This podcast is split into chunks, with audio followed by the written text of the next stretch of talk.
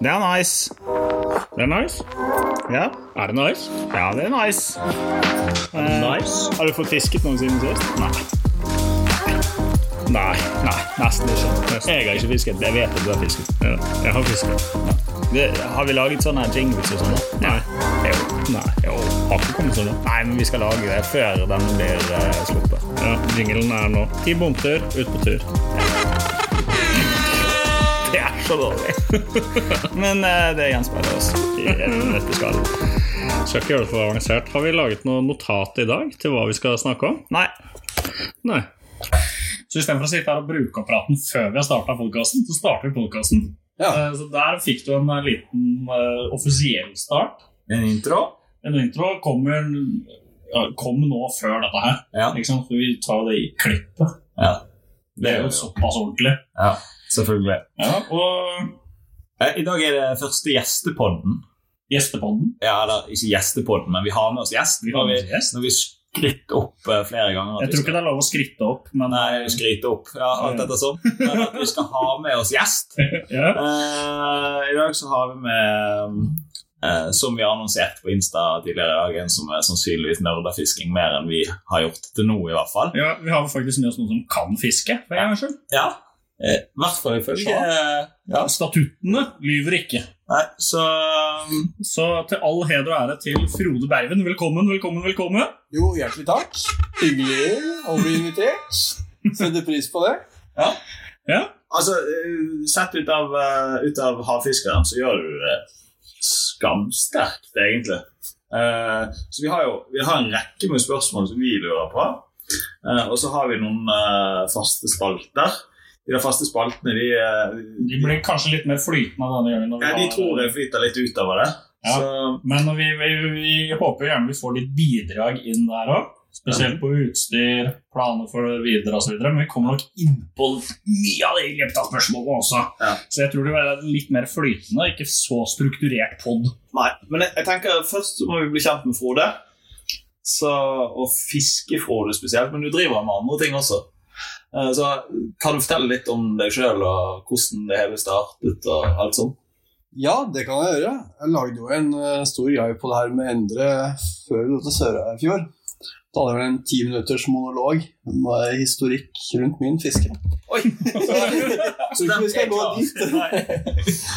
Men eh, ja, jeg starta jo med overfiske på Østlandet i sånn fem-seksårsalderen. Ja. Sånn litt tilfeldig. Hadde bestefar kjøpt en stang. Så dro vi til Jarnvannet, som jo er veldig kjent gjeddevann. Ja. Eh, Med moderen og han. Så fikk jeg min første åbor. Ja. Den falt av akkurat i vannskorpa. Og så hadde jeg visst hivd meg over med begge hender. Den er jo full av pigger og greier. Og bare måkt til. Og grabba den og fikk den opp. Så det var min første fisk. Det ble ikke cash on list, en røyk. Ja, Ja. det skjønner jeg. Det. Centimeter vekt uh, var ikke rundt eh, 200 gram og sikkert rundt eh, 30 cent på en god dag. Eh, ikke noe spektakulært, men det var en stor eh, sak for meg på første fisk. Og Derfra gikk det til eh, litt mer hobborfiske egentlig hele ungdommen. Og mye ørretfiske. Eh, litt med flue, mye med sluk, litt med mark. eh, rundt omkring i Nordmarka og Grindvoll og mange bra fiskehaller rundt der. Så ble det litt røyefiske. og ble kjent med en konkurransefisker som fiska mye på isen. Så ble jeg med i eh, isfiskekonkurranser. Ja. Og var veldig aktiv der fra jeg var sånn 12 kanskje, til 16 ish. For det å sitte og fryse kontinuerlig i ungdomsåra, det er eh, det er der det, er der det ligger. Det var der det lå. Jeg brukte liksom hver helg hele vinteren på fiskekonkurranse på isen. For frøys, tommel og litt forskjellig. Men eh, det var kos. Ja, men det Isfiskegreiene er jo ganske beinhardt. Jeg, jeg, jeg, følger en par andre podkaster og kjørte hjem fra Kristiansand eh, på mandag. Nei, søndag. Eh, og satt og hørte på akkurat rundt det med isfiske. Og det er jo et sinnssykt svært miljø. Jeg hadde aldri forestilt meg at det var så mye folk som drev med organisert isfiske. Nei, på Vestlandet er det ikke så lett å forestille seg at det er mulig. på Østlandet derimot så er det mye is, og ganske aktivt miljø den gangen. Der er jo gode Ja, nå blir det jo 30 år siden. Jeg ga meg med deg. Det hørtes veldig lenge ut, Ja, plutselig, det- men eh, det var det altså. Ja, blitt det. Martin var så vidt født da. Ja, allerede den gangen så var det et veldig bra miljø. Ja. Det var jo landslag den gangen og mye forskjellige snacks og konkurranser hele tida. Så det var et bra miljø. Gøy, gøy gjeng. Farta rundt i eh, en slags minibuss-type ting. Ja. Som eh, klubb den gangen også. Ja. Eh, etter det så ble det studier, og etter hvert eh, dame og familie og ganske lang pause i aktiv fisking. Det ble bare noen slengturer etter ørret, egentlig. Og så starta jeg opp med litt sjøfiske Nå har jeg flytta ut hit. Ja, Pilk, for, pilk og gummimark. Ja. Så begynte jeg å se på fiskeskolen. Uh, Jørn, en god kompis, han uh, introduserte meg for fiskeskolen. Ja. Så det, da var mye å lære. Ja, jeg tror, altså tror jeg er en sånn gateway drug til eh, mange nye vordrende fiskere som lurer på veldig mye rart. Ja. Start på sesong én, episode én, og så har du sett alt innen kvelden er omme. Ja. men nå har det begynt å bli så mye episoder, og de, de lager jo veldig bra si, TV. eh, det er underholdende å se på. Sånt. Ja, det er veldig bra. Eh, God produksjon Ja. og ekstremt mye å lære. Så det aller meste av det jeg har lært om eh, sjøfiske, det lærte jeg gjennom fiskeskolen. Så nerd som jeg er, så så jeg episodene gjerne flere ganger. Ja. Og liksom begynte å sette ting sammen og prøvde å finne litt spots ut fra hvor eh, du har tatt den. Du også?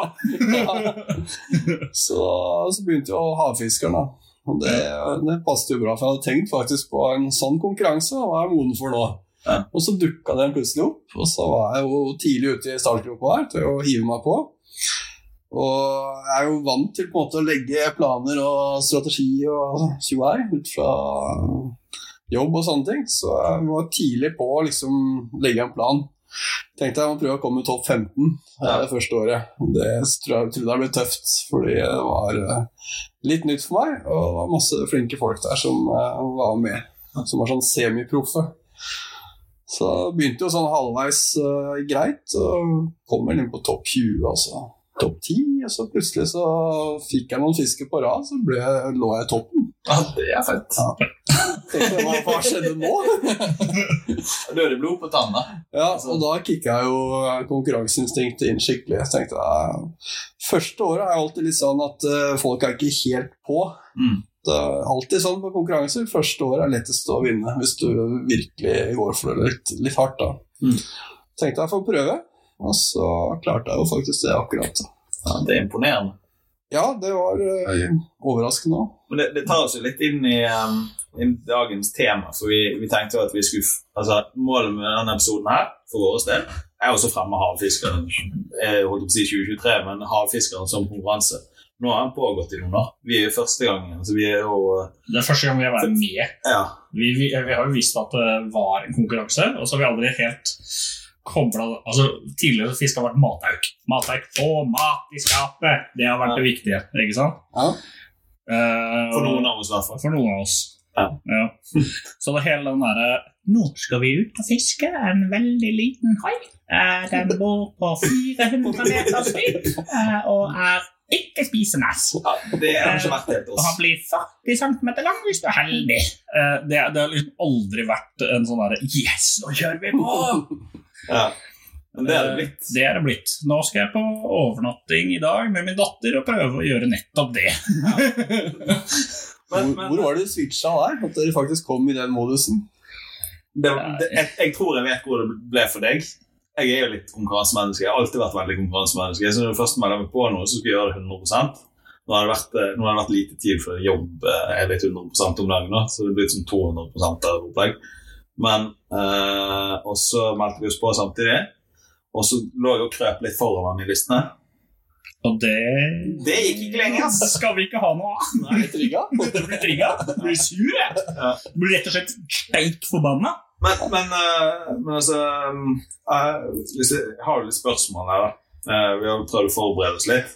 Eh, så vi har jo fått litt svar på hva, hvordan, hvordan du startet og alle disse tingene her. Men eh, du har jo holdt på egentlig fisking helt siden da. Men um, akkurat det rundt havfiske eller den den arten som vi driver havfiskere, det har du holdt på med egentlig ikke så veldig mange år. Nei, seriøst havfiske har jeg vel holdt på med i tre år. Ja. Ish. Ja, Så det er håp for alle, er vel egentlig det du sier. absolutt. Men hva er det som gjør det så interessant da, å være med på Havfiskeren? Altså, hvorfor trigger det deg? Ja, først var det jo jeg ble trigga fordi jeg, ville lære mer om havfiske. Og jeg oppdaga jo at du lærer veldig mye med å være med i en konkurranse. Det har jeg oppdaga før også. Å utvikle seg som fisker, det er på en måte førstepri. Og det gjør man veldig greit gjennom konkurranser. Bli kjent med mye folk, lokale og for så vidt fra andre steder også. Eh, Så det er et bra aspekt, det sosiale. Lære av hverandre, lære om spots. eh, Når fisker du der? Hvordan? eh, Med hva? Så alle disse tingene der sånn har vært det som på en måte har trigga meg. Når det blir litt sånn rutine, at nå vet at jeg går på den spotten klokka ti over eh, sju på Flo eh, i midten av juni og fisker tre dager på dypet og sveiver opp og ned. Så til slutt så får jeg den fisken med denne metoden. Da er det ikke så spennende lenger, for da blir det litt sånn, litt sånn nesten litt jobb, da. Du vet ikke hvordan du skal gjøre det. Ja. Så det er liksom det ukjente og læreaspektet som har trigga mest. Og så er det jo litt sånn med fisking at det kommer hele tiden nye teknikker. Det er noen som prøver noe nytt, det er noen som prøver noe annet, og så plutselig er det det alle fisker med det året, og så utvikler det seg jo stadig sånn. Ja, altså, vi har jo drevet og promotert Fireball litt. Det, det har en morsom effekt, og, og vi er jo litt lokal, eh, i hvert fall på, på den eh, Insta-kontoen vår. Eh, og så skulle jeg bort, for jeg gikk eh, mistet eh, siste kula mi på 500 gram, så jeg måtte ha en ny 500 gram Bort på ut. Nei, det er tomt. De har hatt et formidabelt salg. jeg bare, ja, ok. Hvor er prosentene? Hvor er prosentene? Nei, men, eh, men det er jo litt morsomt. Men, men sånn um, Altså uh, Det er jo et litt kult konsept med havfiskere. Nå er det, jeg regner med at Nå har du holdt på i tre år, stemmer det? Mm. Uh, tre år nå. Ja, det er tredje. Vi er inne i tredje sesongen. da. Ja. Uh, men hvor mye har liksom artslistene forandret seg? For det konseptet er jo 25 arter i år. Mm. Uh, og så er det 20 tellende arter. Ja. Ja. Ja, ting har utvikla seg ganske mye av fiskeren. eh, både de som er med, og på en måte konseptet også. Nå er det jo lagkonkurranser og mye spennende, så det trigger jo også at det er utvikling i konkurransen og nye arter. Mm. Første året var det jo 18 arter, og alle 18 telte. Ja. Så da hadde ingen kunne stryke. Mm. Så da var jo første trikset å få alle 18 artene. Og det var jo, Jeg skal være ærlig, når jeg starta, så var det mange arter jeg ikke hadde hørt om. Hvis det fantes. Ikke det var noe som het hvitskate. Hadde ikke peiling hvor du kunne finne han. Så jeg begynte å gjøre litt sånn research i databaser, og så var det liksom noen spotter langt oppe i Nord-Norge der noen hadde fått en del. Begynte å sjekke litt rundt og tok kontakt med noen i konkurransen. For da var det den arten jeg egentlig mangla for å få 18. Så kom jeg i kontakt med Per-Willy nede på Sørlandet. Så du får jo nye bekjentskaper også. Og gjennom han så fikk vi en tur sammen. Og jeg fikk eh, til slutt hvitskapen. Vi hadde én dag på oss til å klare det. Og det var kanskje en altså. Halv time igjen før bølgene begynte å slå over baugen på båten. Og da var det ikke fiskbart lenger. Så akkurat in a dying moment, som visse andre personer pleier å snakke om, så smalt det på en eh, fisk. Det berømte siste kastet. Ja, siste nedslippet. Det var eh, tett på det, altså. Det var på en måte den sjansen jeg hadde. Hadde jeg ikke fått den fisken, så hadde jeg ikke vunnet havfiskeren. Spørsmålet da er som oppfølging er det, Var det full hoplandtilslag, eller var det Nei, hvit- er veldig rar, for det, den rønner ikke. Nei. Den legger seg stort sett på agnet, og så kjenner du ingen- vet ikke hvor lenge den kan ligge der uten å gjøre noen ting. Men når du sveiver og skal liksom kjenne, så er det henger igjen. Ja. Det er stort sett sånn du merker det.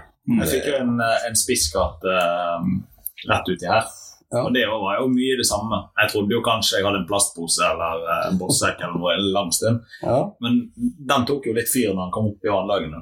Da begynte den å gå i sirkler under båten, og plutselig var kjempetung. ja, så første året så var da Det var jeg og en til som fikk 18 arter i løpet av hele sesongen. Andre året så var det mye mer fart. Da var det mange som klarte å fylle lista.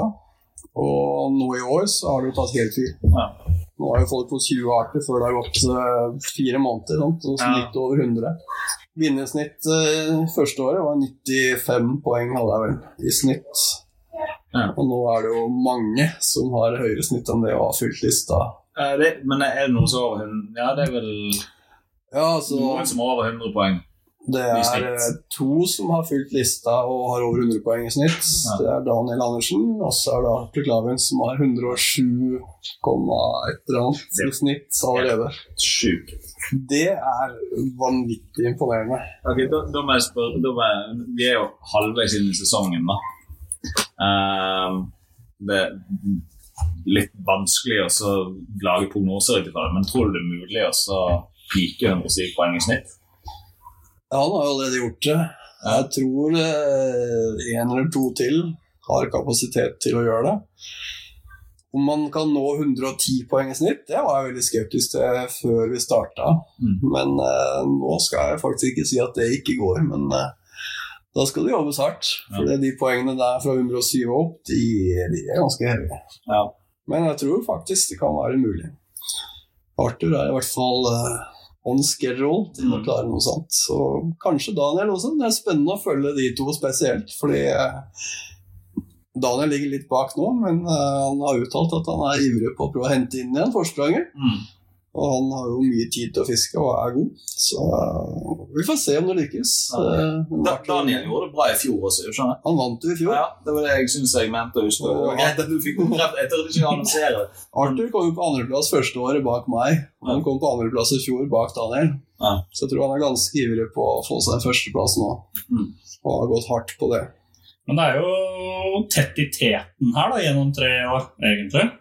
Ja, Og mye de, de samme som går igjen. Så det er jo noen, en eller annen kode noen her har klart å knekke ganske greit. Ja, men det, det er jo inn i strategispørsmålet, da. Ja. For det, det er jo et spørsmål. Og det, vi har, jeg tror vi har fått uh, fem eller seks spørsmål på det på Insta, og så har vi lurt på det samme. Men når du, når du angriper artslisten i havfiskeren du må ha en, altså Som du sier, du er jo strategiker. Uh, forstår du har, har det litt på jobba? At du har det litt mer Litt om planlegging i hvert fall. Og, ja. Men hvordan, hvordan angriper du før sesongen? da? Altså, Hvordan planlegger du altså, Det er jo forskjellig fisk til forskjellig årstid osv. Men eh, ja. Nei, det jeg har gjort de to siste årene, det er å på en måte sette opp en uh, liste. Hvilke art kan jeg fiske hvor, og når. Og så årstid eller måneder. Det er alltid en måned eller to som er hot for en gitt art. I hvert fall for en god del arter. Så det gjelder å legge en plan, sånn at du får fulgt opp de artene til riktig tid gjennom året. Og så handler det om å treffe da, når du først har det vinduet. Mm. Og bruke nok tid til at du faktisk treffer. Det er ikke alltid tida strekker til, og da bommer du. Og spesielt på arter da, som du må reise litt for å få. Ja. Det, der er det små marginer, sånn som hvis du må f.eks. til Sørlandet eller til Nord-Norge for å få en art, og du har to dager på deg, Ja. og du treffer den ikke, da er den sjansen vekke, og da må du legge en ny plan. Så det må på en måte være litt dynamisk da, i hvordan du eh, angriper lista. Når du kan stryke fem arter, så er det greit. Da har du litt å gå på. Når du måtte alle 18, da hadde du ingenting å gå på. Så måtte du få alle. Og første året så var jeg i Nord-Norge en tur også. Første gang jeg var der. Da hadde vi syv dager på oss. Jeg måtte ha steinbit og sandflyndre og rødspette og litt forskjellig annet. Kveite og stor torsk. Jeg fikk vel det aller meste, bortsett fra kveita. Ja. Da hadde vi en eh, halv dag igjen av fisket. Og jeg hadde ikke fått den. Jørn hadde fått et par stykker. Og jeg tenkte at det her kommer ikke til å gå. Jeg kommer aldri til å få den kveita. Og helt på tampen av siste økta der, sånn, så, så gikk det på en uh, kveite på du, ti kilo. du får sånn ja. De du trenger, de får du helt på slutten, helt på tampen hver gang. Ja. Isgate, kveite Så uh, hvis noen ser deg i båt, spør når du er ferdig, og så kommer en liten sving innom da, på slutten. Det er jo det som er litt av greia. også, at uh, Du tenker kanskje at nå er det siste nedslippet, ja. Men så hvis du ikke hadde fått den på det skipet, så kanskje du hadde tatt den. Det er faktisk et sykt godt poeng. Aldri reflektert sånn over det. Nei, du får alltid den siste. Hvis du er fornøyd, så ble det jo siste. Ja, det gjorde det. Jeg har jo et klasseeksempel på det. Eh, Jeg startet jo min fiskekarriere som laksefisker. Jeg har fisket laks så lenge jeg kan huske, på en måte, sammen med familien. Og Der er det sånn alltid er på siste kastet. Men eh, det er veldig ofte nå at eh, når vi reiser på laksefiske, så blir han stående til fire om natta og denge, selv om det er helt håpløst egentlig. Ja. Uh, Så, så ja, siste kastet er Ja, og så Hadde jeg det fått en laks, da, så hadde jo jeg gitt meg. nå blir jo her en sånn gående joke, fordi når du har fiska en laks, hva må du gjøre med den etterpå? Nei, slipp den litt inn, da. Nei, jeg tar, eh, tar, tar to laks i året. Nå, nå blir jo det tradisjon at hver gang du nevner laksefiske, så kommer det en sånn sad trombone. Ja, ja. ja. Jeg syns det er fint. Vi skal, ta, vi skal lage en egen episode om uh, laksefisking. Uh, nå er det Frode som er fokus i dag, så da holder vi oss til det. uh, vi har litt ulike meninger internt i uh, Ja, og spesielt om laksefiske. Ja. Det, der er vi strat kategorisk uenige. Ja, riktig. Men altså, vi skal fortsette i Vi har mye spørsmål, skjønner du. Eh, det er litt sånn Hva er det, Jeg bare tar det, siden du er så treig på å komme til poenget. Hva er eh, favorittfisken på listen i år?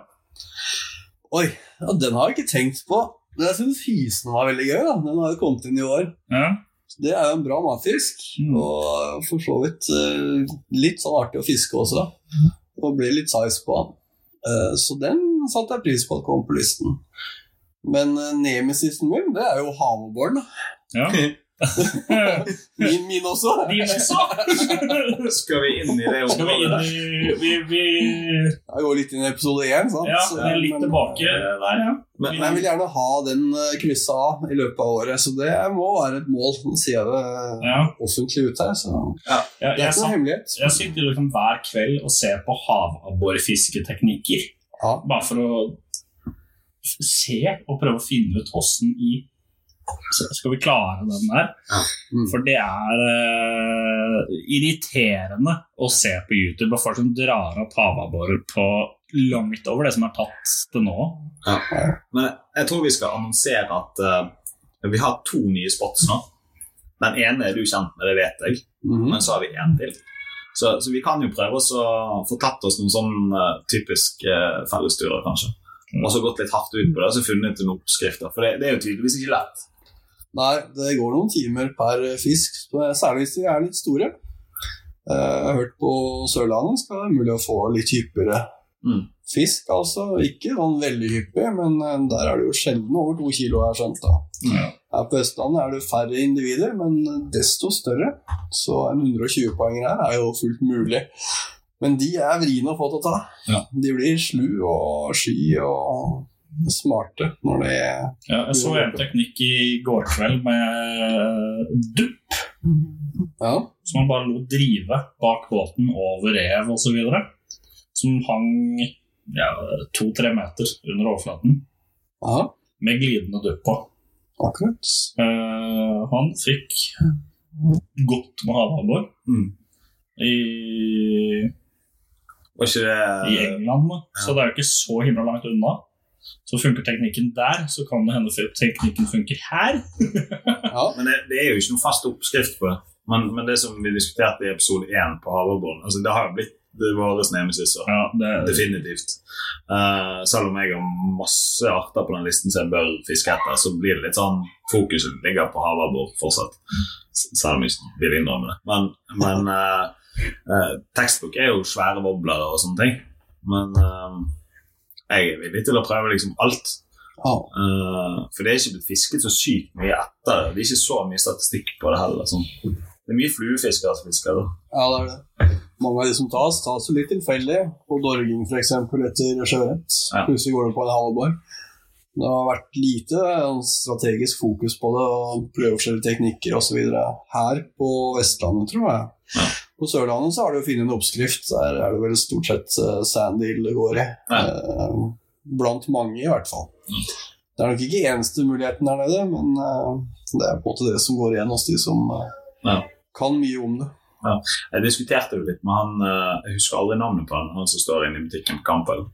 Eh, og der, der kjørte vi inn altså der, Vi stekket opp når vi fant det som vi trodde at var havabbor, men det viste seg å være noe helt annet. Ja. Eh, så stekket vi opp med utstyr for det. da.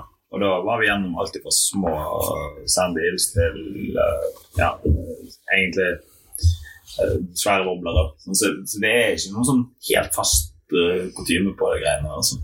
Det er langt ifra. Det er kanskje lokale variasjoner også på hva halvgården foretrekker der. Jeg har hørt at noen eh, driver og tar dem med hel de Ja. driver og sleper rett under båten. Jeg, jeg syns jo det høres helt vilt ut. altså Brutalt. Ja. så, men vi er jo glad i fisk med hel sild og hel makrell. Så det, er jo, ja, det går jo an å prøve. Det, absolutt. Har prøvd. det funker ikke, det heller. Hvis vi, det blir en repriseepisode den dagen vi faktisk har fått en havabbor, tror jeg. Ja, jeg tror det. Det må bli en egen sak, ja. Men, eh, men eh, favorittfiske i året, da? Ja, det har han jo sagt. Hyse. Følger du ikke med i din Jo. egen podkast? Men så var han litt inne på havabbor. sant? Ja, ja så jeg liker jo å fiske fra land. Det er jo på en måte det jeg vokste opp med. Stå og mæle ut eh, sluker videre fra land.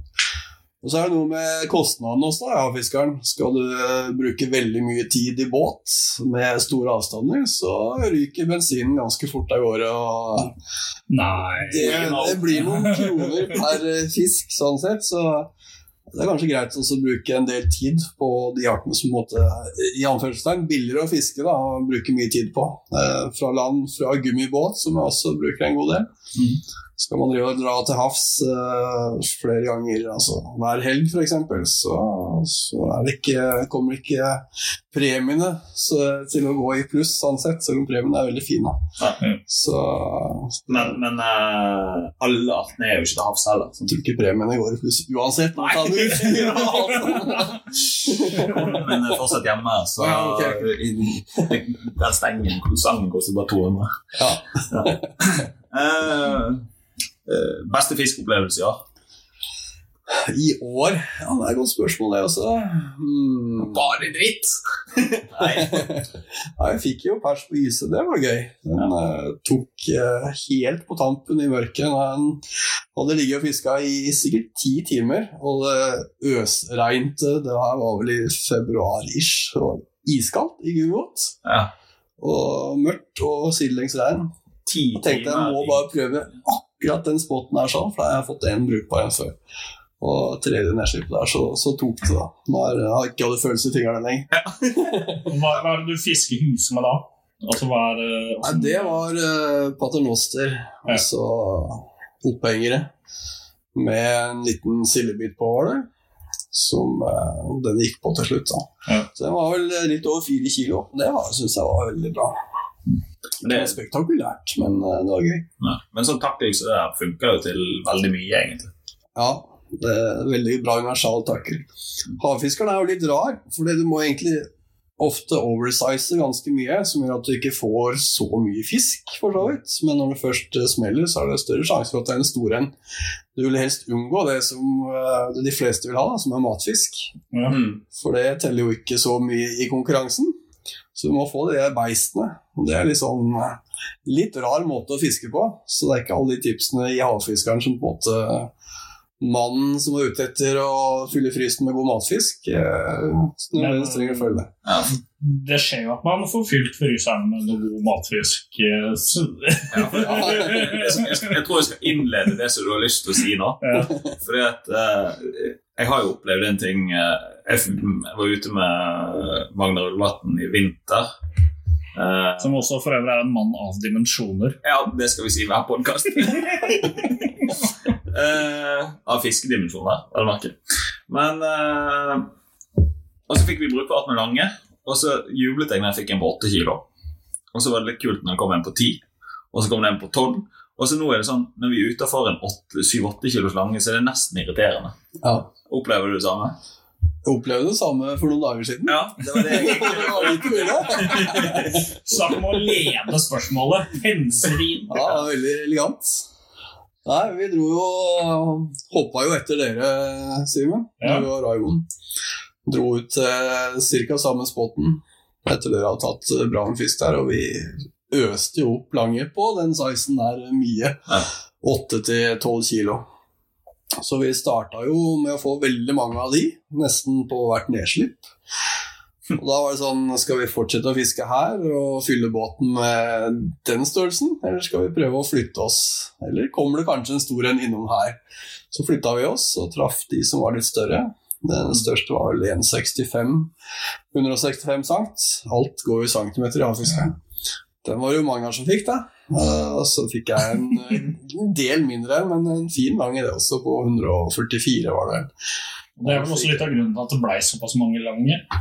Ja, det er jo det. Hvis vi ikke hadde vært med i konkurransen, så hadde vi kanskje gitt oss uh, litt før.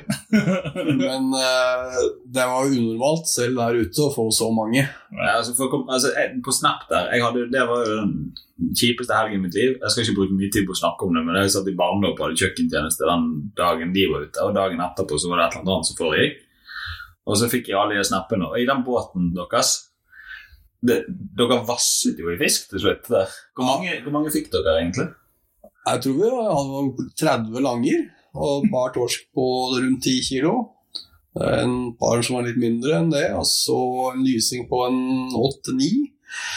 Vi hadde vel, hvis jeg tar i litt godt, en halv kvadratmeter eh, gulvplass der det ikke lå fisk til sammen i hver sin ende av båten. Så det var liksom cut off fra å komme bort til hverandre, for der lå det stabla altså i høyden. Det var litt drøyt.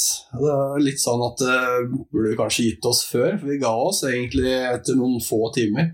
Vi kunne ha fortsatt å østlange eh, dagen lang, men eh, vi måtte moderere oss eh, til slutt. Så tenkte at her nå må vi bare gi oss. For det Det skal jo filtreres vet mat ut av det også.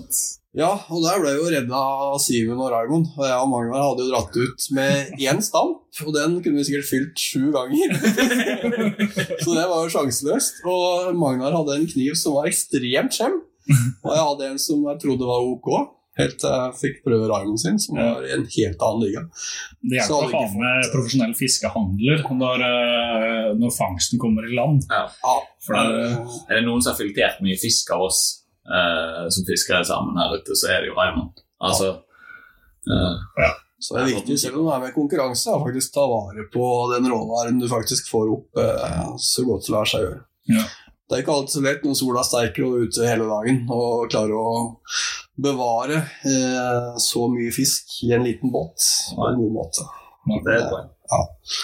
Men vi prøver så godt vi kan, i hvert fall. Det er litt viktig. Ja, men jeg har jo hørt noen rykter om at uh, når du er ute og fisker uh, det, Dette kommer jo fra en av uh, klubbmedlemmene som da satt i den båten. At du kan være litt vel utholdende når du er på fisketur. Ja, jeg er vel kjent for å ikke gi meg først, Ja. for å si det sånn. da. Gjerne mer sist, tenker jeg. Ja, gjerne en god stund etter alle andre helst hadde vært hjemme for noen timer siden. Ja. Så jeg pleier å sende ut sånn warning. Hvis folk skal være med ut på tur, så er det sånn bare sette av fra tidlig til veldig seint. Ja. Og ikke legg noen planer for eh, kvelden eller noe sånt. Altså. Eh, Og kanskje ikke morgenen etterpå heller. Nei, I verste fall så kan det jo gå over midnatt og litt inn i natten. Ja, men det er sjeldnere, da. Ja. I hvert fall så mye fisk. Vi Ja. kunne jo gjerne holdt på lenger på lange fiske, sånn sett, men uh, vi fant ut at vi måtte sløye, sløye litt og bruke tid på det. Ja. Skulle jo på jobb dagen etterpå. Vi kom inn til brygga halv elleve ish, vel. Og hadde vel jeg vet ikke, 250 kilo fisk. hadde ikke dere kommet og redda oss, hadde vi sikkert stått der ennå. Ja. Så jeg må takke igjen for det. ja, nei, men altså, det, det er jo litt av greia med det å være i Kan vi promotere Alver havfiskeklubb også litt. Altså, det å være i en klubb, være en del av det fellesskapet som du også var litt inne på her, er jo mye av det som gir en glede av å holde på med dette. Og Det er også veldig mye grunn til at vi gjør podkasten også. Altså, det er jo egentlig bare for å skape noe engasjement og skape noe gøy. Ja, Og gjøre noe for det kult. Det leder jo litt inn til neste episode igjen. Ja. For nå har vi havfiskerne som tema i dag. Uh, og neste episode skal handle om Alver havfiskeklubb. Uh, og vi har faktisk fått gjest til neste uke, ja. så vi kan jo si det allerede nå, da. Eh, Ja, Vi har fått med vår eminente diktator. Eh, Ja. Nei, leder heter det. Ja. Leder var det, ja. Stemmer. Sånn var det, Ja. ja. I i Alve havfiskeklubb skal vi fortelle litt om uh, det å være medlem i en havfiskeklubb. Og de forskjellige klubbene som er i Norge, og litt det å være hva nasjonalt uh, Nå husker jeg ikke hva forbundet heter engang. Nei, Norges Havfiskeforbund? Ja, for eksempel. Ja. for å nevne noen. Nei, men eh, det blir spennende. Ja. Um, men ja, vi må hoppe litt inn igjen i temaet. Det var en liten Ja. teaser til neste episode. Men uh, Kan du komme tilbake til de lange dagene? For det er jo en del av konkurranseaspektet, den psykologiske delen. mm, Når du har ligget og fiska knurr i tolv timer og blitt ganske lei og ikke fått eh, egentlig en stor knurr, og så vet du at dagen etterpå må du gjøre akkurat det samme. og prøve å få en stor knurr.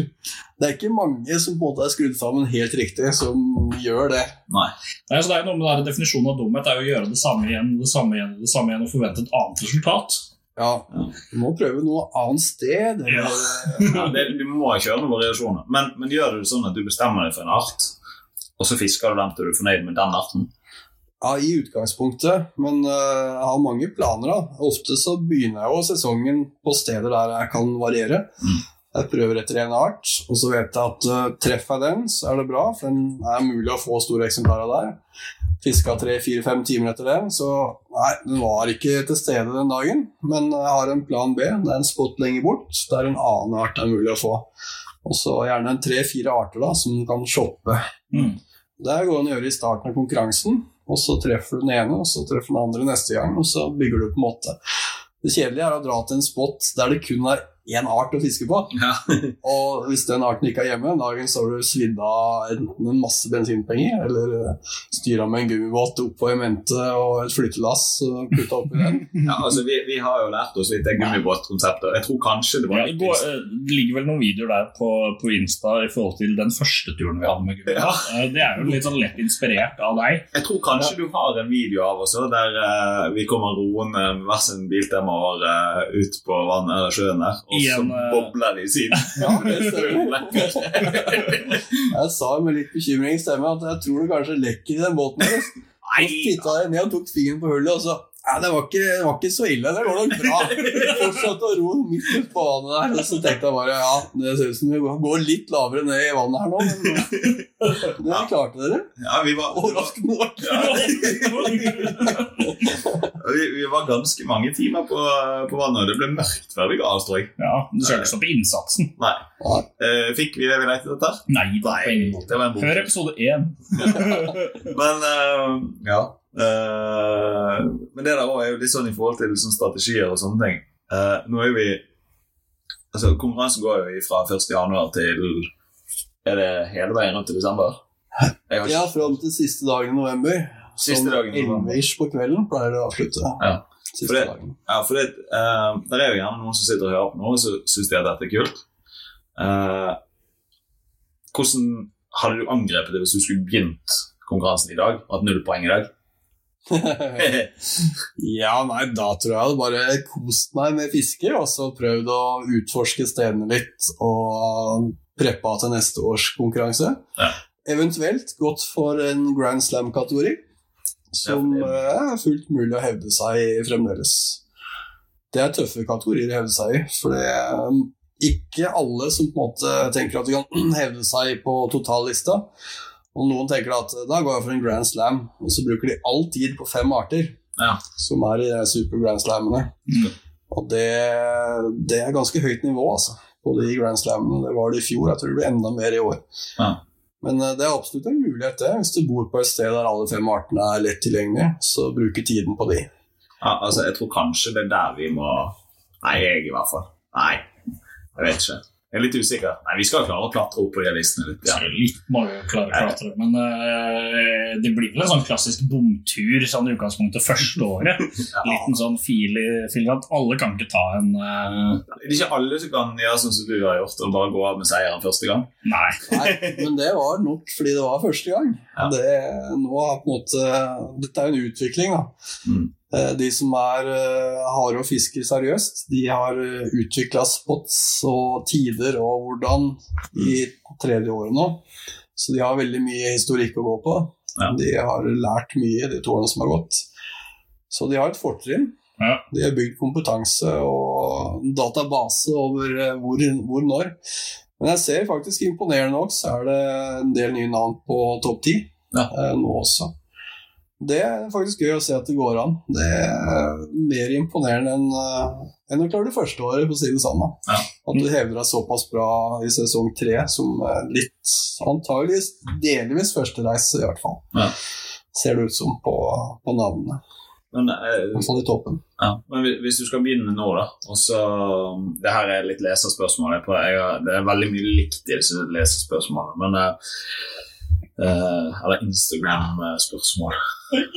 Ja, vi skal ikke ta en diskusjon om hva det heter i dag. Men um, en av tingene som blir spurt mye om, da, det er liksom location. Uh, hvordan finne location, og hva kart man bruker, hva uh, verktøy man bruker for å finne fisk. Uh. Litt sånne ting. Har du noen gode tips der? Altså, Ja, Det er jo egentlig å se på strukturer og habitat. Jeg fiska i år, så jeg fiska store deler av året uten ekkolodd. Starten av sesongen, første to-tre månedene, da jeg faktisk gjorde det best. Da hadde jeg ikke fungerende ekkolodd, så da var det kun uh, se på konturer, uh, sjøkart, uh, bruke på en måte det jeg kunne om plasser fra før, og manøvrere seg ut fra det. Så da brukte jeg bare mobiltelefon og et sånt uh, gratiskart, eventuelt uh, Navionics bruker jeg en del. Betalingsversjonen, der har du veldig fine dybdekonturer. Så det, det er det jeg bruker mest. Noen få arter trenger du kanskje et godt ekkolodd på. Skal leite etter seistimer med storsei. De kan jo stå fra 300 meter til 70 meter, så noen 300 meter dypt. Ja. Hvis du fisker i blinde på det, da, da blir det jobbigt. Ja. Da seiler så opp og ned og fram og tilbake. Vi har hatt noen sånne bomturer der vi, vi fikk rykter, eller hørte rykter uh, på, på lokale fiskebutikken i Knarvik om at det gikk stor sei inn i Ostafjorden. Ja. Og så gikk vi, hentet vi min bror en sånn Askeladden med åpen uh, sak. Knøt han på hengeren, teiste av gårde inn Teikanger, uh, utpå der, innover i fjorden. Uh, jeg vet ikke hvor mange timer vi brukte, jeg. men mange. Vi var ikke borti en sei. Ingenting. Hadde vi hatt et lodd da, eh, så hadde vi jo gjerne sett at det ikke var fisk der. Fisk. Satt fast mye ja. i forskjellige ting. Ja. Mista masse utstyr. Ja, det er det som er litt av greia med Ekolo, at du kan uh, spare litt tid på akkurat samme type fiske. Ja. Jeg starta veldig bra i år i konkurransen og lå egentlig på topp, eller nær toppen, første to-tre månedene, så bare bråstoppa det. Jeg skjønte ikke helt hvorfor, men uh, så var det en mann av dimensjoner som tipsa meg om at jeg hadde blitt, uh, blitt ganda. Ja, å, ja. Ja, det er Er sånn- vi såpass inn på at, eh, hat mot Ja, det var visst en som hadde ganda meg. Vet, det kan ha vært på tull. Ja. Men fra det jeg hørte det, så, så begynte brikkene å falle på plass. Ja. Så jeg må prøve å antigande meg nå. Ja. Så det var det som er litt opp på ganding. så det er mange aspekter her å ta hensyn til. Altså. Ja. Så det var jo sånn før i tida at eh, det ble gjort penger på det. At én ganna deg, og så måtte du leie inn en annen en til å antiganne deg. Ja. Og så gikk det sånn, da. Det er en samisk tradisjon, leste jeg på nettet. Uten at jeg vet særlig mye mer om det. Men det går langt tilbake. Jeg har bare hørt om godt hall og sånn. Ja, Det er jo den andre delen av det. Ja. Det er jo på en måte den du kan booste det, og så er det den du kan dra deg ned på denne Ja. gandingen her. skjønt altså. Ja, ja. Ja, det, den, eh, den, eh, den var ny for meg, faktisk. Ja, den var ny for meg òg. Og må googles, Yes. Okay. Nå vet jeg hva jeg skal gjøre i kveld. Det er jo da å finne ut åssen jeg kan gande deg. Ja. Ja. Nei, jeg skal ikke dra lenger inn i det, men det var noen jokes om at um, uh, si brunsnegl eh, Jeg husker ikke hva den fisken heter engang. Rosme? Rosme, takk. Det er jo et annet type hall igjen. Men eh, nok om det. Uh, skal vi kjøre litt spalte, da? Vi har jo vi har pleid å ta forrige ukes fiske. Nå har jo du fortalt litt om forrige helgs fiske. Mhm. Men så har vi forrige ukes fiske, og så har vi fiskeplaner. Det tar vi litt. Uh, fordi vi legger ut litt på sosiale medier og sånn. da. Nå har vi til og med fått oss TikTok. Men um, ta litt om det. Og så har vi ukens utstyr. Liksom uh, vi, vi finner oss et utstyr som vi har fisket med denne uken, eller som vi har lyst til å trekke fram. Og så litt sånn. Så vi kan begynne med uken som har vært. Uh, har du lyst til å begynne på den, Simen? Ja, jeg kan jo det, for det har jo vært en sånn klassisk bomtur av uh, Det var jo litt sånn varsla fra før av. Uh, men uh, det var da en tur på Hardangervidda. Fire uker for tidlig. som, som man egentlig ble advart om. Men det gikk jo da opp Trolltunga, og så istedenfor å gå høyre til Trolltunga, så går man venstre og litt oppover lia der. Eh, Kommer fram til det første vannet hvor vi har en hytte og skal overnatte. Det er eh, ca. fire grader i vannet og bikkjekaldt. Eh, vi speider rundt i områdene rundt, og alt annet er fryst ned. Så, så dere, fikk, dere fikk ikke spesielt mye fisk, da? Nei, Nei. fikk ikke veldig mye fisk. Og det er det du har fisket denne uken? da? Ja, det er det jeg har fisket denne uka. her. Jeg har da stått to og en halv dag i et myggbefengt Hardangervidda og prøvd å fiske med altså alle teknikkene som er på ørretfiske. Du sa myggbefengt, så prøvde du prøvde mygginvitasjon. Yes! Det funka ikke. Vi, jeg kan telle på én hånd antall vak vi så på to og en halv dag med kontinuerlig sitte og stirre utover til vann. Det var godt dere hadde med dere uh, Det var bra vi hadde voksenbrus og sånn, da. Ja, så det ble en, uh, det. Ja. Mye Ja. isteden. Ja. Samtidig som han sto og prøvde å fiske litt. Men uh, altså, der vi prøvde altså, Vi satt garn, og vi fikk totalt 26 ørret i garn. Men de sto på den dypeste delen av vannet, og de nederste 10 centimeterne av garnet. Ja. Da er det bare å gå hjem. Da er det bare å gå hjem, egentlig. Ja. Eh, Men jeg prøvde da med mork på bunnen. Ja. Eh, Jeg tenkte det lurer dem. Nei. Nei.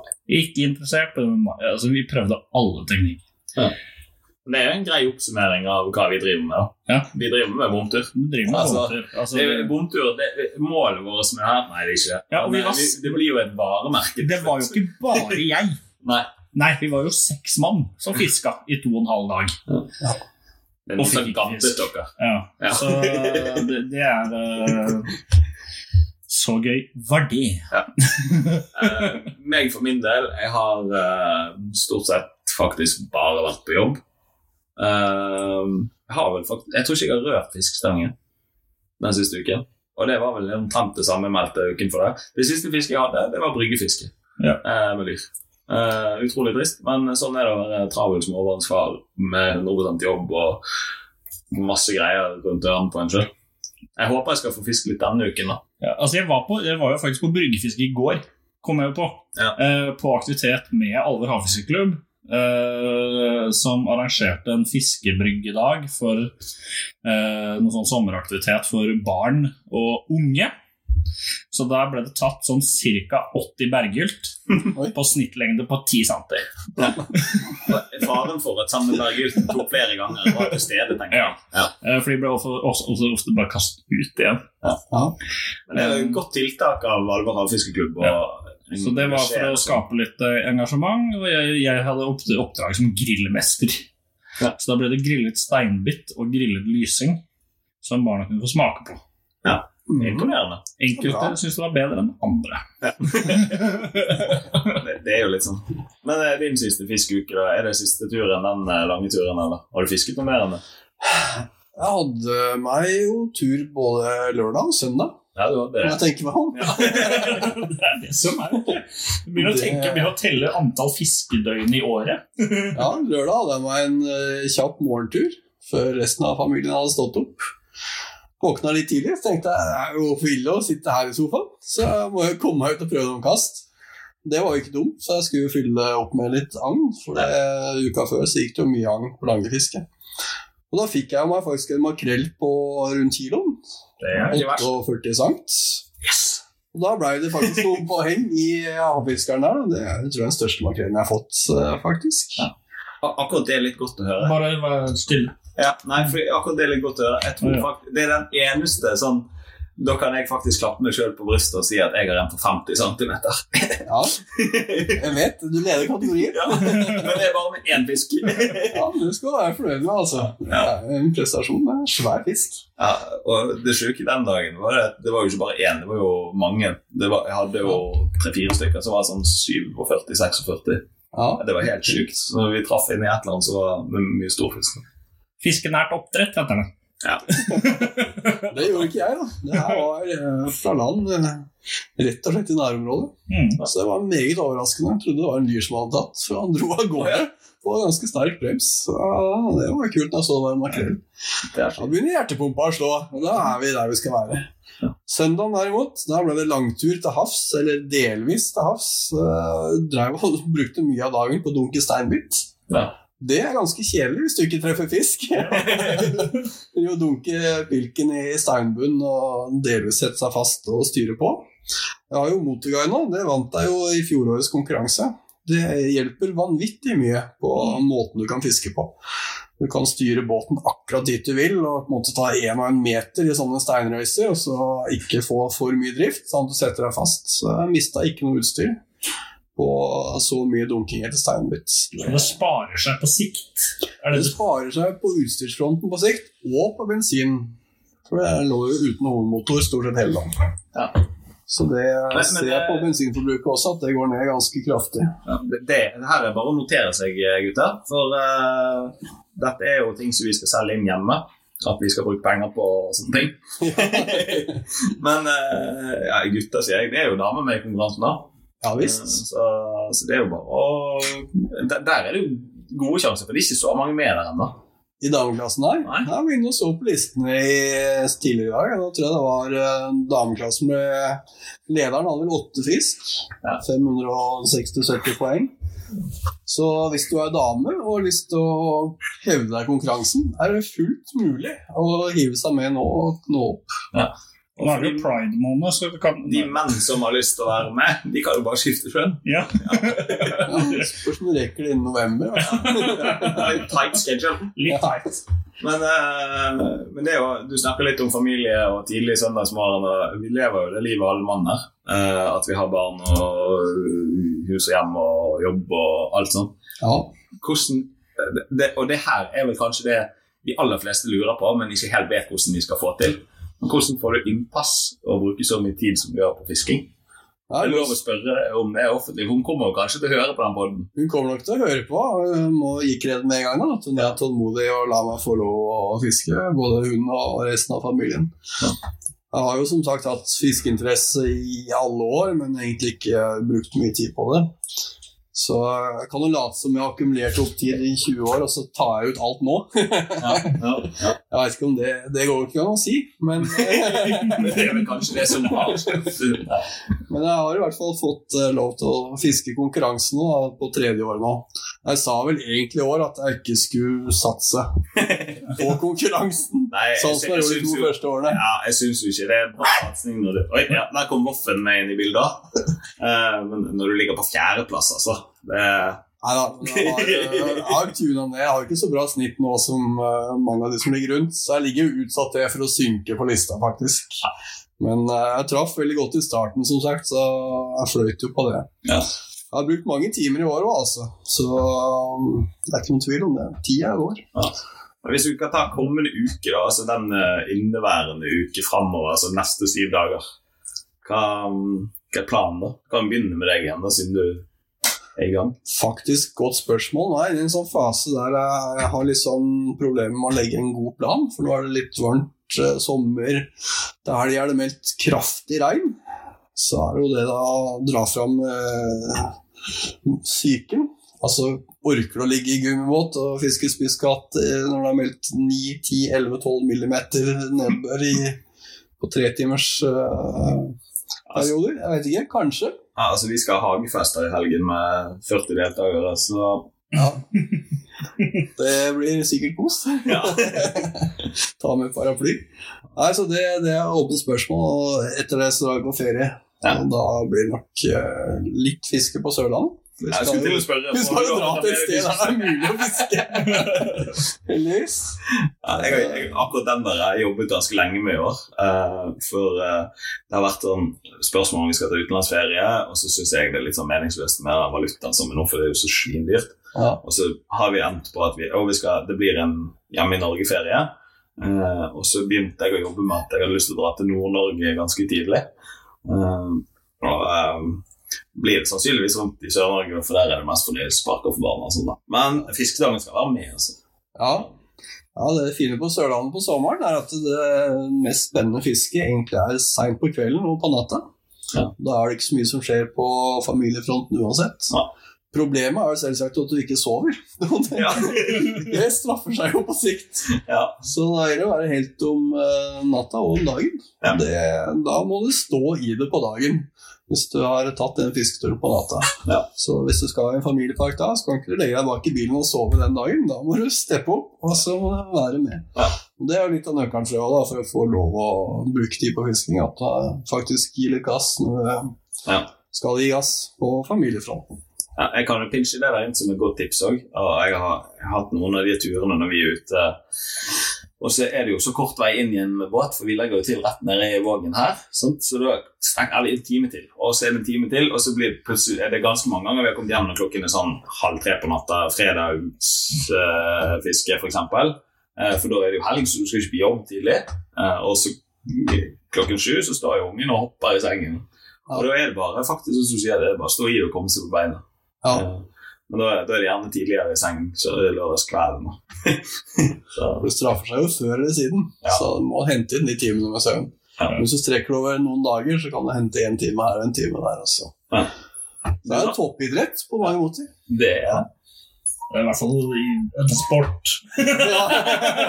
det er litt sånn de lever òg, at de må på en måte planlegge mye og Ja. optimalisere timebruken. Men den fysiske delen her er ikke helt på det nivået der, Nei. sånn Nei. sett. Jeg, jeg skal ut nå, når vi er, en gang vi er ferdig. Oi. Eh, Med min datter og ei venninne av hun. De skal få overnatte i båten mens far sitter bak og prøver å fiske på natta. Det er ikke sikkert det er så givende, men det var noe å drive med. Tøft. Men det, det er hai, da. Ja, Prøver på litt hai og få økt eh, noe svarthå eh, nå. Så kan Er det bra å fiske svarthå nå? Jeg tror eh, Ja, altså, det ble jo satt rekord i konkurransen i går. Ja. Men det var det i dag. Ja. Det var nok på sør i landet. Antageligvis i Langesund. Men eh, hvis det er gjengs over, så tror jeg svarthånden biter Ja. Året rundt. Så jeg tok jo en bra en i vinter. Så jeg tror det er muligheter der, altså. Ja, så er det noe skatefiske går an å prøve seg på i natt. Det er jo enkelte ting som går an på en måte selv om, Selv om det er mørkt. selv om det er mørkt. Ja. Men ja, jeg har så mange spørsmål. Jeg skal roe de spørsmålene. Men, men uh, nattefiske kontra dagsfiske. Vi har prøvd litt forskjellig, og så er det jo ofte kvelden man har tid. Mm. Og sånn gjennom vinteren når det blir mørkt klokken fire, er det vits i å fiske eh, Altså, får du alle arter på svamper? Kan du få alle arter på svamper, egentlig? Jeg tror det er vanskeligere å få en del arter etter mørkets frambrudd. Det spørs når på det er. På vinteren er det kanskje litt vrient, for det er så kaldt i vannet. Mm. På sommeren, sånn som nå, når det er varmt i vannet, så er det jo sjøørret og alle typer flatfisker kan du fiske på natta. Mm. Lysingen kan du fiske på natta. Langen tror jeg du fint kan ta.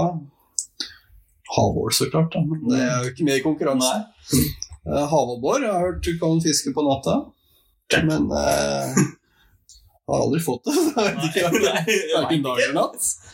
Men det skal være mulig. Men da må du på en måte bruke utstyr som gjør at du eh, fisker bra på nattstid. da. Litt mørkere sluker og sånne ting. Ja. Ja, så det har jeg lyst til å prøve litt mer. Bli litt eh, bedre på nattfiske etter uh, halvår, sjølett og sånt. Ja. Ja, vi, eh, holdt på å si, når jeg fisket i eh, som sagt, min eh, profesjonaliteter, holdt jeg på å si. Eller, jeg kan ikke kalle det for profesjonalitet, men det som jeg har fisket mest, er jo elvefiske. Altså Ja. anadromfiske i elv eh, i de månedene hvor det er lov. Um, og da er jo sjøørret på natten. Altså Hvis det ikke får laks, så er det litt piping her. Hvis ikke vi får laks, så er det liksom sjøørreten som, som tar det. Ja. Så, så, så det har jo funket på natt for min del. Det som er fantastisk spennende, jeg synes er noe av det gøyeste jeg gjør, det er å fiske på strendene på natta. Ja. Hvor det er eh, veldig stille, litt vindstille, og du går der når det er helt mørkt med hodelykt Ja, og så, og lyser. Ja, og så har jeg sett eh, dere bruker sånn her vinduer. vindu. Oi, det er flere som vil prate. Hva var det for en lyd? Hunden syns det var litt kjedelig. Ja, jeg tror Gjespa, det. faktisk. Ja, jeg tror det. Ja, vi, vi bruker uh, sånne kikkevinduer. Ja. Vannkikkebrett, som det også kalles. Ja, det er kult. Jeg prøver å ikke bruke det, for jeg syns det er litt knotete. Så jeg bruker helst eh, de kveldene og nettene der det er helt blikkstille. da. Ja. Da kan du gå uten. Da er det nesten som å se inn i et akvarium. Også. Det er kult. Ja, Kjempegøy. Masse liv på, på strendene og rundt på grunnene som du aldri ser på dagtid. Nei. Det kan være havål som svømmer eh, rundt beina dine. Svær sjøørret kommer helt bort til deg. og Ja. Ja, Det, vi, gjør jo litt, det der, vi, vi er jo litt vettbrent på det der med når du sier akvarium, og sånn, for vi fridykker jo også en del. yes. Eh, nå har ikke det vært veldig aktivt i år pga. havfiskere. ja. Eh, den har stjålet liksom den ledige tiden. Men eh, favorittdykketida mi er jo på natta. For da stilner liksom alt. alt det, ting kommer litt opp på grønne rundt forbi. Altså. så. det er spennende, faktisk. ja. Um, men eh, vi har jo neste spalte. Nå er Simen han måtte ut og fikse noen greier, men vi kan tjuvstarte litt. Uh, det er jo uh, ukens utstyr. ja. Uh, hvis du skal begynne med litt ukens utstyr. Ja, jeg er jo glad i paternostertakkel. Ja. Det vil jeg kanskje slå et slag for. Det er veldig greit, for det kan du bruke både fra båt og fra land. Mm. Kan bare et uh, søkke i enden av ønsket eh, vekt. Står du med kasteren, så visker du litt lett, og sitter du i båt, så kanskje litt tyngre bly.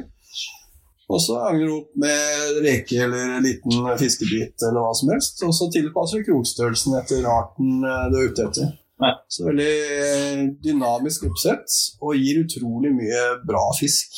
Ja.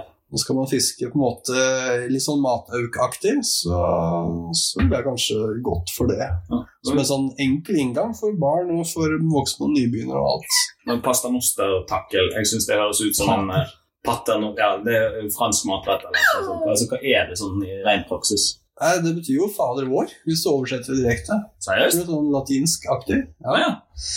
Det gjør det.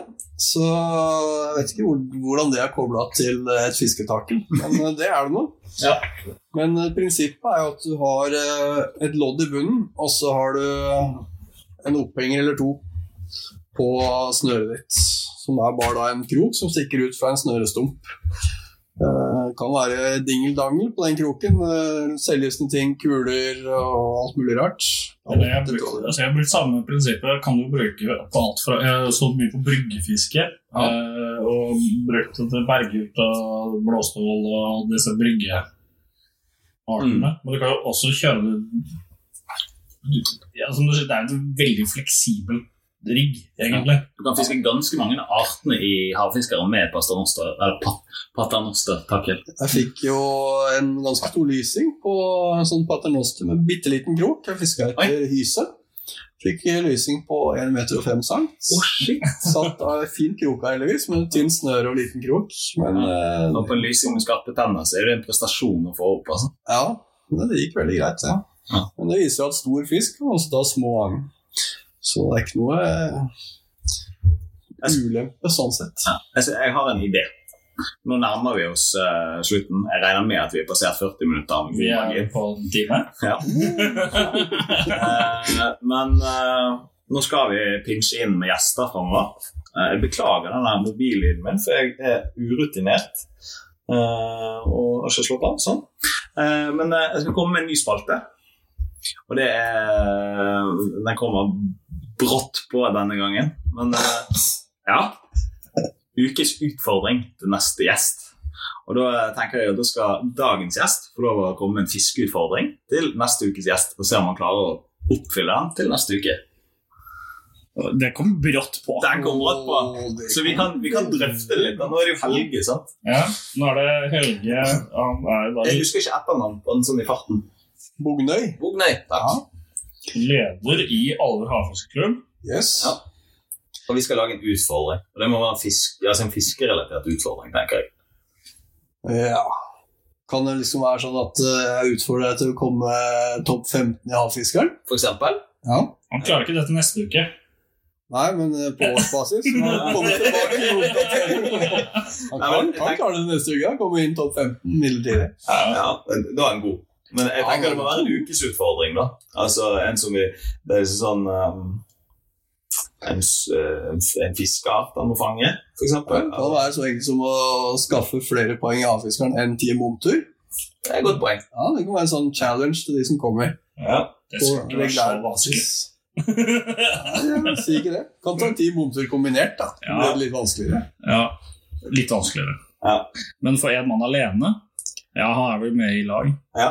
Ja, han er med på laget. ja. Det er rett og slett uh, økt poengsummen eh, såpass at de går forbi. Ja. De er sikkert forbi, ja. Det er sikkert forbi. Men det Det kan vi dårlig se research neste uke. researchavdelingen. Ja, Da tar vi bare poengsummen han har nå, og poengsummen dere har nå, så ser dere på differansen Ja, en uke frem i tid. forspranget. Hvem som får størst poengfangst Ja. relativt til hva de har fra før. Ja. En god utfordring. God utfordring. Da må vi inn og notere hva og hvor og hvem. Ja. Og så ser vi om vi klarer å få en poengmessig eh, Ja, du er teknisk ansvarlig for akkurat den biten. Ja, jeg skjønte det Ja. med en gang jeg sa det. Det er det der dumme aldri begynne å si ting når du egentlig Nei, Nei, det, det er jeg også ganske god på. hold kjeft. Ja. er en god regel innimellom. Men ikke på podkast. Ikke på podcast. Nei. Nei, det hadde vært litt traurig. Ja, men uh, sånn, sånn på tampen, da. Vi er nødt til å runde av på et eller annet tidspunkt. Ja. Eh, sånn at Enten det, eller så må vi lage to episoder. Jeg tror vi må få en eh, tilbakekomst. En, eh, vi, og du er villig til å gjeste igjen. Eh, Absolutt. vi har to jenter som sitter og har veldig lyst til å dra på båttur. Ja. Eh, klokka begynner å nærme seg litt over det som er eh, Planlagt. normalt eh, Midt i uka. midt i uka. Som en god fiskeforelder. Men altså, fisking har jo en prioritet, men det har jo da også Ja. Ting vi har vært inne på tidligere i dag. Og så håper jeg vi får masse gode tilbakemeldinger nå. Eh, Sånn som eh, vi egentlig allerede har fått. Jeg må skryte litt av lytterne våre. For de er flinke til å komme med tilbakemeldinger. Og vi bruker jo fortsatt Instagram som portal. Eller kommunikasjonsredskap, eller eh, noe sånt. Så inn der, og så Vi bruker Instagram som faks. Faktisk. Ja. Ja. Så, så inn der, punch inn, og så må jeg si tusen takk for at du gadd å komme ut hit og gjeste oss. Jo, takk for invitasjonen. Det har vært veldig hyggelig. Ja. Setter pris på det. Får vi ta en oppsummeringspod, tror jeg. Når vi begynner å nærme oss uh, innspurten i Ja. Havfiskeren. Få en liten status. Åssen gikk det? Ja. Spennende. Hva si, enten gikk veldig bra eller veldig galt. Ja. Og hva skal vi skylde på? Ja. Det, Det jeg, det, blir, det blir en sånn oppsummeringspod. Der tror jeg det blir mye eh, fantasering for havfiskeren. Unnskyldninger. Skal begynne å tenke ut uh, bortforklaringer og unnskyldninger allerede nå, Har jeg. utrolig vondt i lillefingeren. Ja, men det er kult. Så da sier vi Takker vi for oss. takk for oss, og tusen hjertelig takk Og lykke til videre i havfisket. Takk og likeså. Og så bare sånn strategisk slutt. Yeah.